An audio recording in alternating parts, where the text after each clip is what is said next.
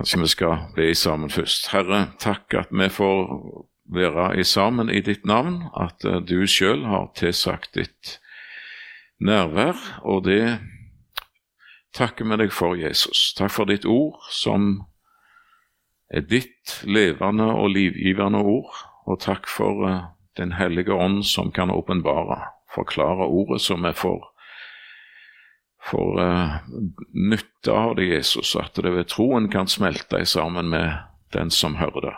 Så Herre, tal til oss. La oss få bli stille for deg. Vi ber for dette møtet.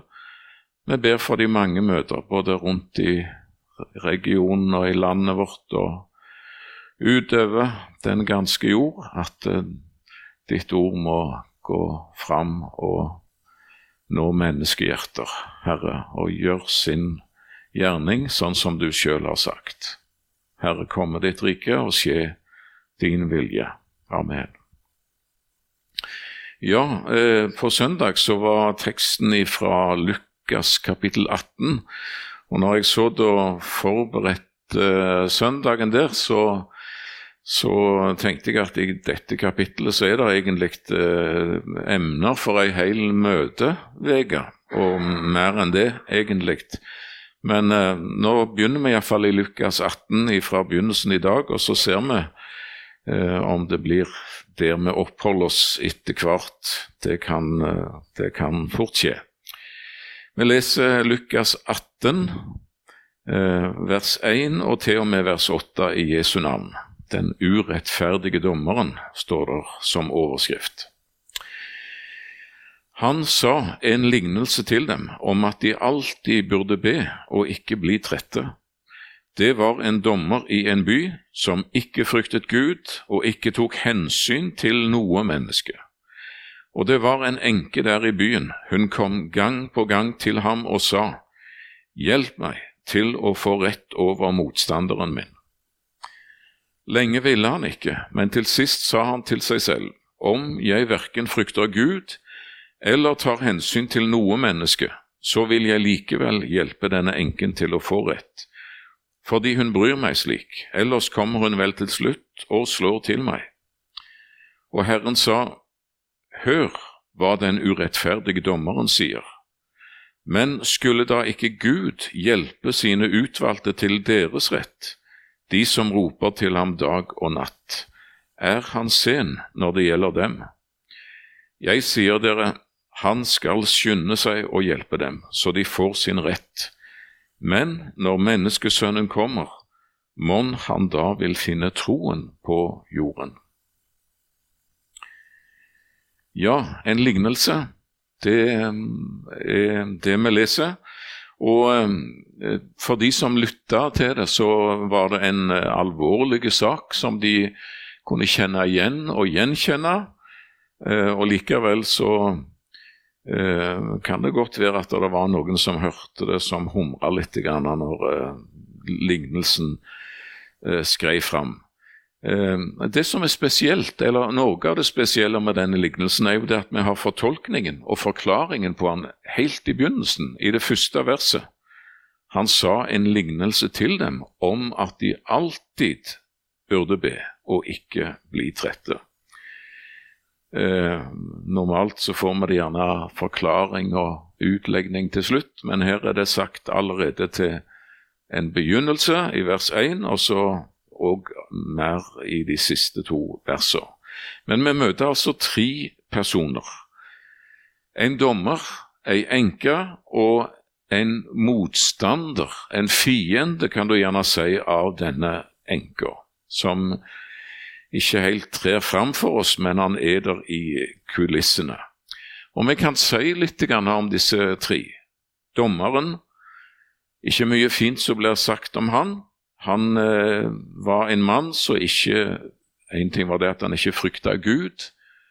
Han eh, tenkte ikke noensinne på det, at jeg står innenfor Gud med dette, med, og med denne dommen som jeg her avsier, og, og står ansvarlig innenfor Han og hans ansikt. Nei, det var en tanke han ikke tenkte. Og han frykta heller ikke noen mennesker.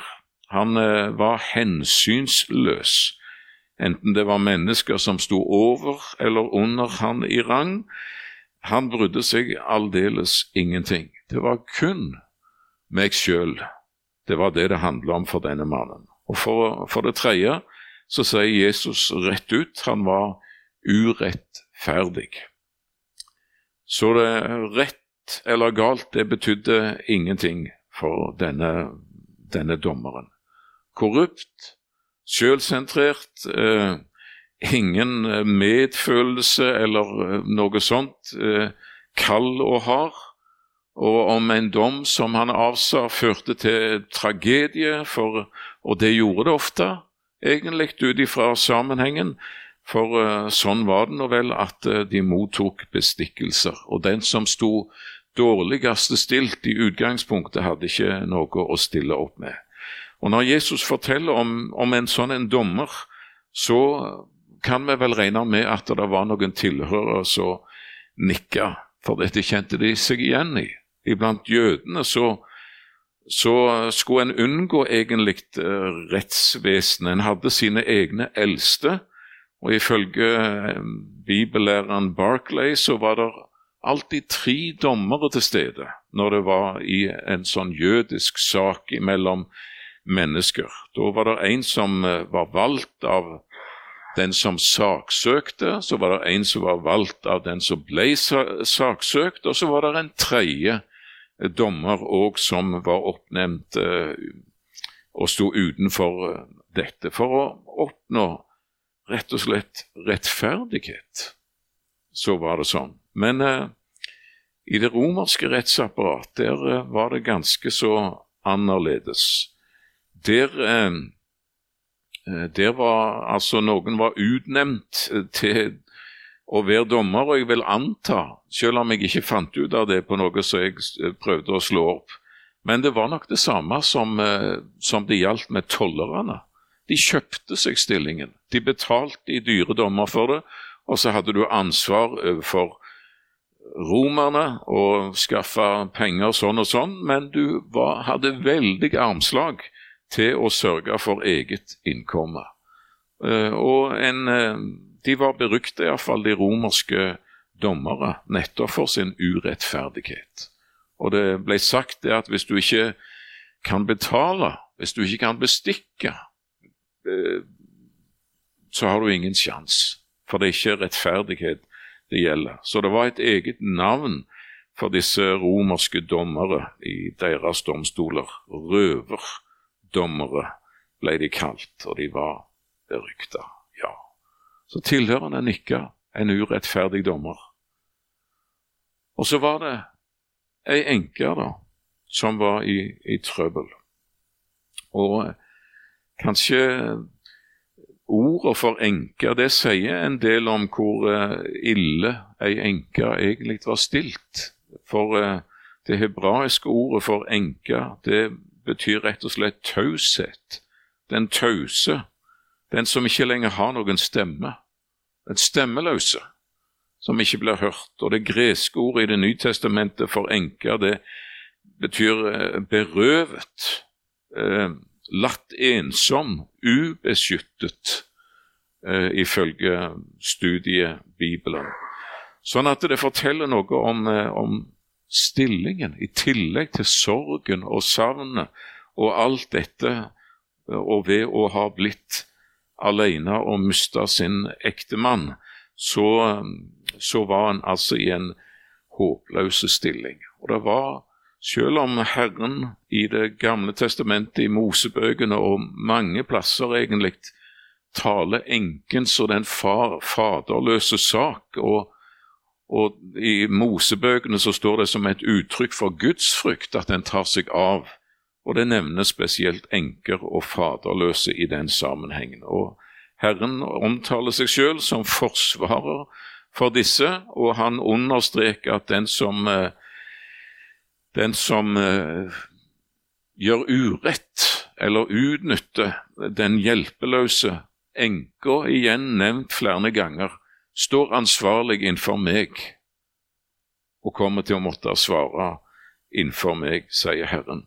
Og likevel så var det jo ikke noen velferdsstat akkurat på denne tid, og ikke noe sånn eh, håper å si, sikkerhetsnett som var eh, strakt ut unna den det gikk eh, galt for. Du hadde synagoger, du hadde et, et, en omsorgs- og innsamling der til de som hadde det vanskelig. Og likevel, du kunne ikke regne med å, si, å leve i et velferdssamfunn der, der du hadde et sikkerhetsnett under deg. Glem ikke når misjonær Jon Jøssang for mangfoldige år siden var i Salem og talte, eh, Tanzania-misjonæren. Og han siterte, han snakket om livet i, i Tanzania og de troende og nød og behov og alt sånt. Og så siterte han denne sangen i sangboka, bare på en litt annen måte. Han siterte det sånn Sørg, o kjære staten du, jeg vil ikke sørge. Ikke ikke med bekymret hu om min framtid spørge. Sørg du for meg all min tid, sørg for meg og mine. Stat allmektig, nådig, blid, sørg for alle dine. Han hadde et poeng. Um, den sjølhjulpne, holdt jeg på å si, eller sjøltrygge um, Ola og kanskje Kari Nordmann som uh, vi takker jo for det, for all del. Vi er takknemlige for uh, sikkerheten. Men vi står i fare for å uh, Midt oppi det hele forstår om en konge at han uh, i sin sykdom så søkte han bare legene og ikke Herren. Og det er godt å forsøke begge deler, om vi skal si det sånn. Men å være enke, det forsto de som hørte på at det var det var, det var tøft. Du hadde ikke noe eh, sikkerhetsnett sånn sett. Og, og de kjente jo bildet. ikke sant? Den korrupte og samvittighetsløse dommer. Den hjelpeløse og forsvarsløse og, og stemmeløse enka som står der. Og så denne, for det tredje, motstanderen, som òg kommer inn på arenaen her, selv om vi ikke ser han så klart, men han er der i kulissene. Og, og som vil denne enka vondt, ser muligheten. Eh, hun er alene og har ingen til å, til å hjelpe seg eller å stå opp for henne. Ja, det står i andre kongebok fire, du kjenner beretningen der, om ei annen enke en kvinne, står der, 2. kong 4 og vers 1. Kone til en av profetenes disipler ropte til Elisa og sa, Din tjener, min mann, er død. Du vet at din tjener fryktet Herren. Nå kommer en som han sto i gjeld til, og vil ta begge sønnene mine til treller. Ja, for sånn Sånn kunne det være. Og det Matteus 18 det forteller iallfall et eh, innblikk i, i, samfunnet, eh, om det ikke står i en enkesammenheng, men der det står om denne stakkaren som ikke hadde noe å betale med, og da bød Hans Herre at han skulle selges. Og det var ikke bare det at alt gikk på eh, og, og, ble solgt, eh, hus og eiendom og alt mulig sånt noe, at det gikk. Men det står noe mer, at han skulle selges. Han og hans kone og barn og alt han eide, og gjelden betales nådeløst hvis du møtte en motpart. Og sånn var det altså for denne enka som Jesus forteller om. Ikke sant? Der står hun og har et krav imot seg, en, en motstander som er ute etter alt det hun måtte jo, folket de kjente det igjen, men uh, så tar saken en underlig, underlig vending. Dommeren, enka, motstanderen. Jesus innleder denne lignelsen og denne beretningen med å si at uh, en lignelse til dem om at de alltid burde be og ikke bli trette. Og Du kan gjerne si det sånn at uh, det var det eneste denne enka hadde. Det var sin utholdenhet, sin vær vedholden i bønnen, sier Skriften. Og det var det denne enka var. Eh, hun kom gang på gang til ham, står det, den urettferdige dommer. Og hun hadde akkurat samme teksten. Hjelp meg til å få rett over min motstander. Dag etter dag, flere ganger til dagen. Hvis du ser det for deg og tenker for deg denne representanten for lov og orden, som jo må være tilgjengelig for, eh, for folk. Og på hans kontor, om du skal tenke deg sånn, der er denne enka. Og hun er der dag etter dag, og hun er der flere ganger til dagen og banker på døra og gir han ikke ro og ikke fred. Og han overser henne og bryr seg ingenting og eh, demonstrerer at eh, du kan bare gi opp. Jeg eh, enser deg ikke. Du er en, en ikke-person for meg, og din sak er avgjort. Hun gir seg ikke. Så når en annen klient banker på døra, og det åpnes, da står hun sannelig bak den som er på vei inn med sin påminnelse og eh, gir ikke denne dommeren, urettferdig som han er, rast eller ro, hjelp meg til å få rett over min fiende. Og når eh, si, dagen er over for denne urettferdige dommer, arbeidstida er slutt, og han lukker og låser, og der står hun sannelig igjen ut forbi, fyll han ned trappen eller inn i heisen, om du skal si det sånn, og ned. Hjelp meg til å få rett over min fiende. Jeg gir meg ikke. Jeg gir meg ikke før du hjelper meg til å få min rett.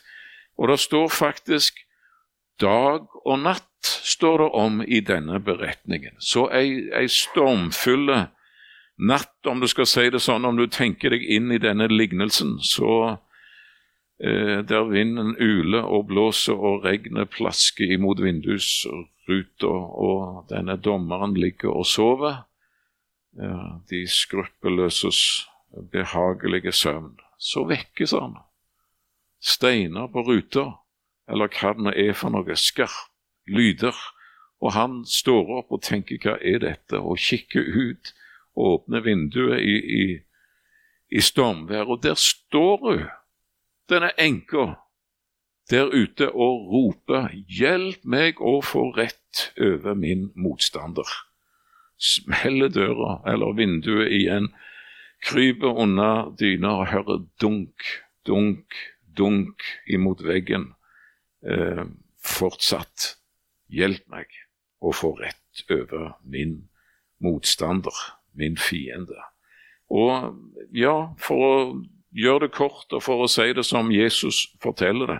Det kom til det punktet der denne dommeren sa at eh, jeg orker ikke mer.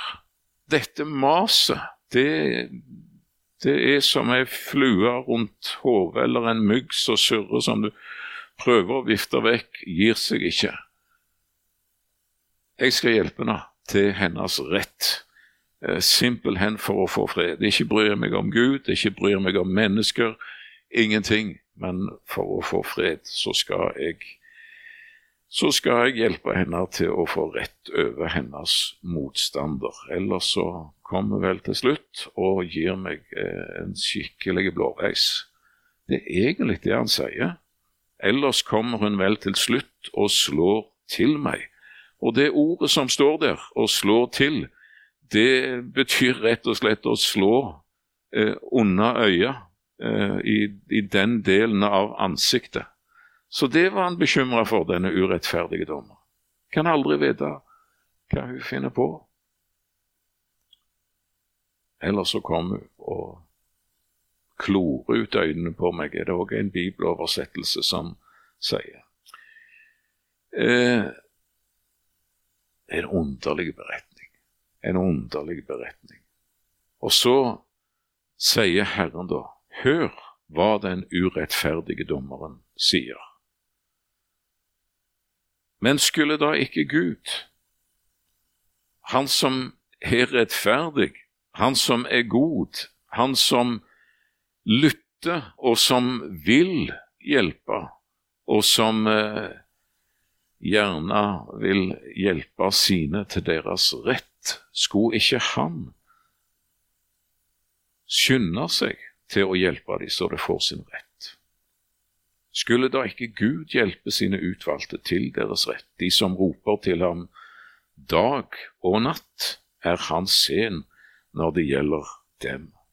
En underlig beretning, det er det. Enka, ja, hun står for de hjelpeløse. Hun står for de mennesker som i nød roper til Herren. Motstanderen, hvem står han for, han som vil henne vondt? Det er jo interessant at det, er det samme ordet som bruker her om motstander, det er akkurat det samme ordet som brukes i, i 1. Peter 5 og vers 8, der det står 'vær edrue våk'. Deres motstander, samme ord, Djevelen går omkring som en brølende løve og søker noen han kan oppsluke. Vi vet hvem han er, og vi vet hva han vil. Han som bare er ute for å stjele og myrde og ødelegge. Dommeren, hva med han? Et underlig sammenligning. Det er de som har stussa over det. Det er ikke som i Lukas 15 f.eks., eller andre lignelser òg, der ja, der, der, faren i Lukas 15 står som et, et bilde på Gud. Her er det en litt underlig lignelse, der ikke alt jeg håper å si, eh, ja, der det er en viss spenning i det. Han er et antibilde. Han er et total motbilde til Gud, til Herren eh, som står for det helt motsatte. Han som så gjerne vil hjelpe sine til deres. Men dette er rammen om lignelsen, vers 1 og vers 7 og vers 8. Og han skal skynde seg, står det, til å hjelpe sine med deres rett. Det føles ikke sånn når du roper dag og natt. Da går tida sakte, og du, det er som det står flere plasser òg i salmene, hvor lenge, Herre? Hvor lenge vil du dryge før du griper inn? Så opplever vi det som om Ja, vi vet det at Guds klokke den går annerledes enn vår, og vi vet at Jesus òg sa det at min time er ennå ikke kommet. Men i sin time og på sin måte så ja, så oppfyller Herren alle sine løfter. Oppfyller ikke alle våre ønsker, men oppfyller alle sine løfter. Og Det står, eh, står en del i Skriften om den, den vedvarende bønn, om å be uavlatelig. Det står òg i synes det står fint der i Jesaja 62 vers 6 og vers 7, at på dine murer, Jerusalem, setter jeg vektere. Aldri skal de tie, ikke hele dagen og ikke hele natten. Dere som minner Herren, unn dere ingen ro. Dag og natt, gi ham ikke ro før han bygger Jerusalem opp igjen, før han gjør henne til en lovsang på jorden. Så det er en, det er en en oppmuntring som Jesus vil gi oss denne, under denne lignelsen. Håper å si dette antibildet òg av den urettferdige og hjerteløse dommer, som ingen medlidenhet har, og som så totalt mot, går imot det som, det som Herren eh, er for sine. Nå er det sånn at uh, denne motstanderen som uh, òg lest om her, han er en uh, formidabel skikkelse. Og det skal vi ikke, ikke undervurdere. Vi har kamp, som Efeserbrev 6 sier det, ikke mot kjøtt og blod. Det er ikke menneskene som er våre fiender. Det er det ikke. Men vi har kamp imot makter mot myndigheter, mot verdens herskere i dette mørket, se det for deg, mot ondskapens ånde her i himmelrommet. Så én ting er at han har at hele verden ligger i det onde. Så ser du liksom jeg håper å si, ut forbi det òg eh, himmelrommet som omgir eh, hvordan Satan har sine onde ånder, og en, en ånde her av kun ondskap som er ute for å dominere og kontrollere og forføre eh, menneskene. For en fiende du og jeg har. Ei rasende, brølende løve på jakt.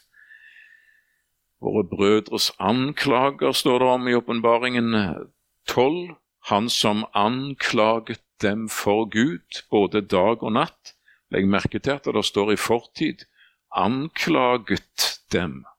Eh, det kan vi gjerne merke oss, for det at eh, en kan iallfall forstå det ordet, og andre òg, som at djevelen er kasta ut som Jesus sa det når han gikk til Golgata, at nå holdes dom, sa han over den, nå skal denne verdens første kastes ut. Han var jo allerede kasta ut av himmelen, forteller Skriften, men uh, skal være varsom med å presse bibeltekster. Men samtidig så forteller Jobbs bok at han møtte opp innenfor Herren for å peke på jobb og si at eh, er det rart han er gudfryktig? Du har jo beskytta han og velsigna han på alle kanter.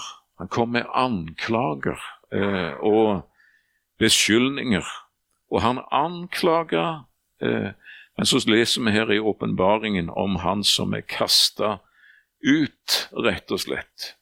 Og der står at han anklaget i fortid dem for Gud både dag og natt. Og Det er det det betyr når Jesus går til korset. Når han sier at nå skal denne verdens fyrste nå skal han kastes ut som anklager at, at Gud, Herren, sier at etter Golgata, etter det fullbrakte frelsesverket, så mottar jeg ingen anklager ifra, mot noen av mine ifra deg, Satan. Og så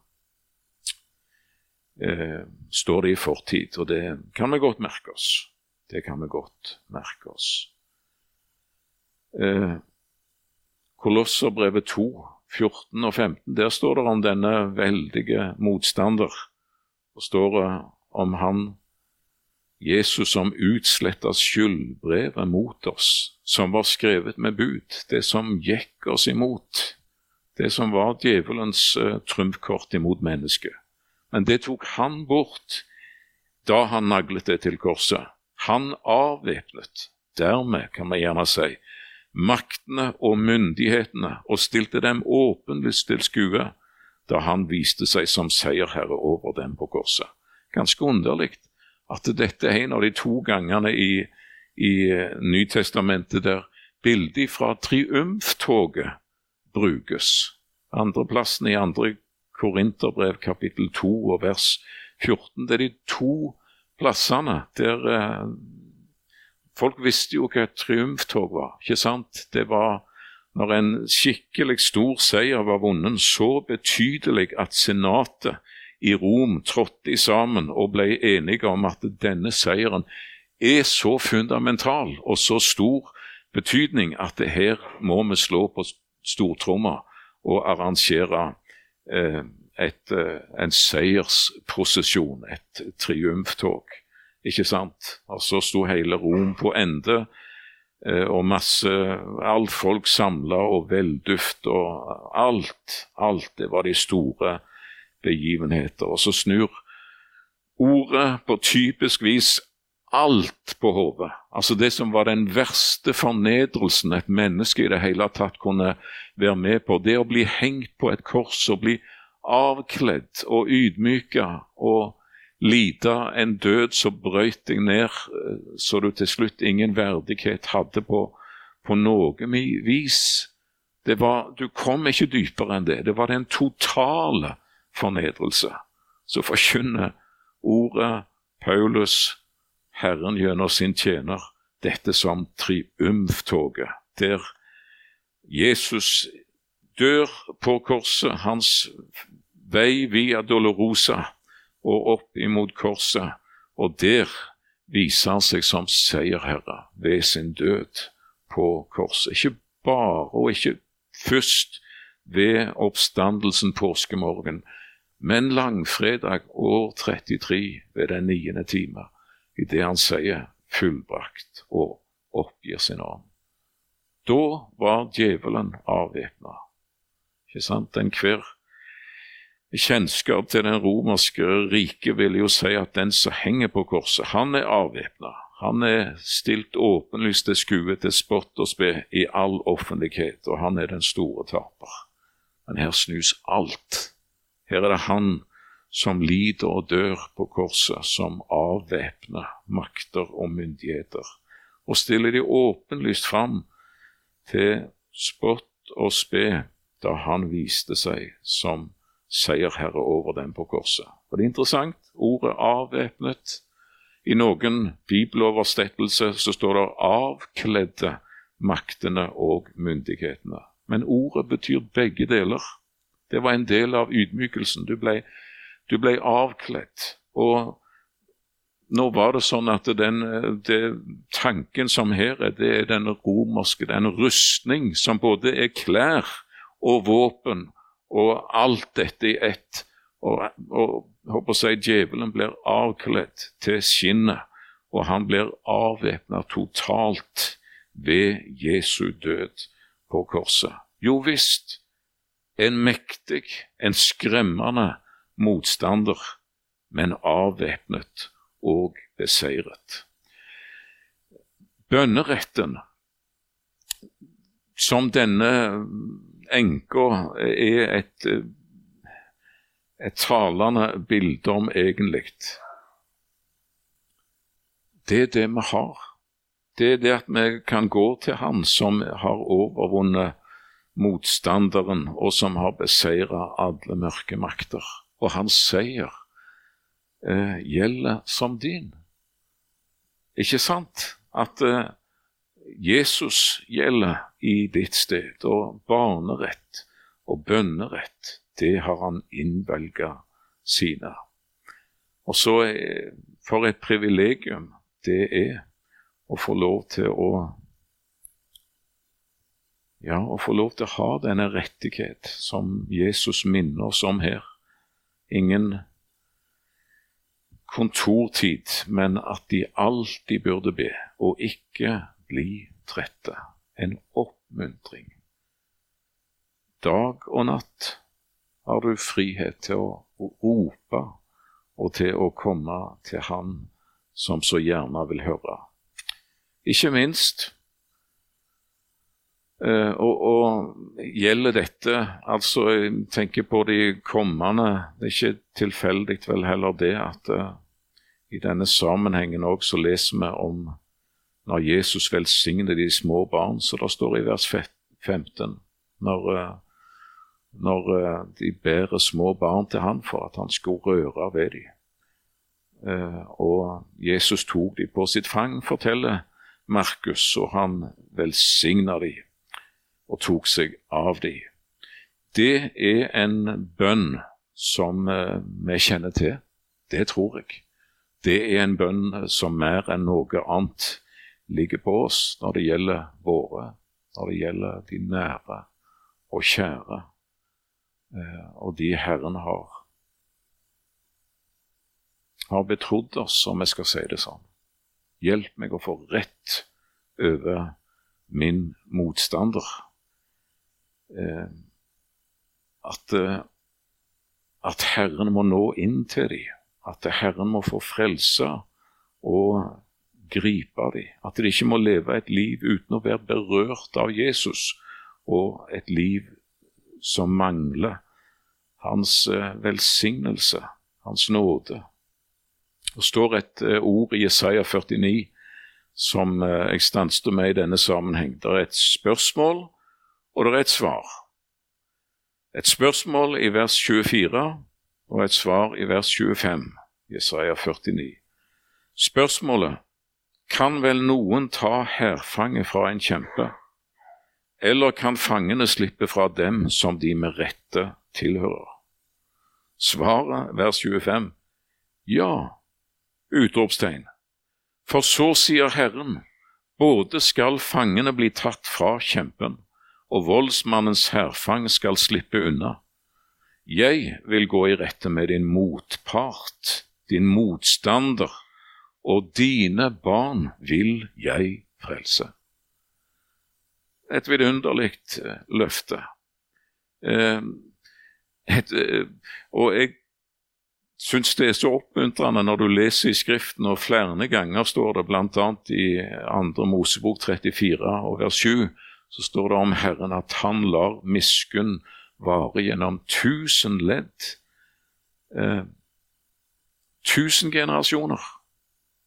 Velsignelse ifra ja, mennesker som har levd med Jesus, og som har bedt, og som har eh, ropt til Herren.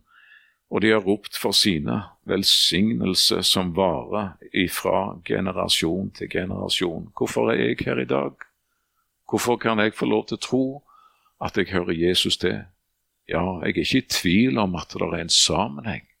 At det er noen som har gått foran og både holdt fram ordet og bedt sine bønner.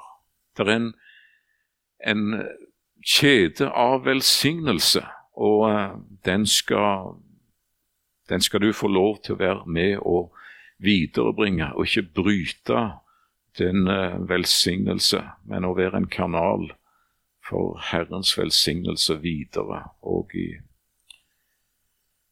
iblant dine.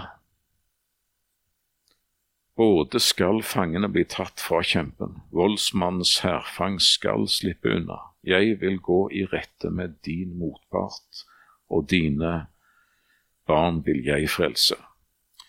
Sto og snakket med, med et par stykker på søndag og hørte det som jeg syns jeg har hørt så veldig, veldig eh, ofte, egentlig, i, i seinere tid spesielt.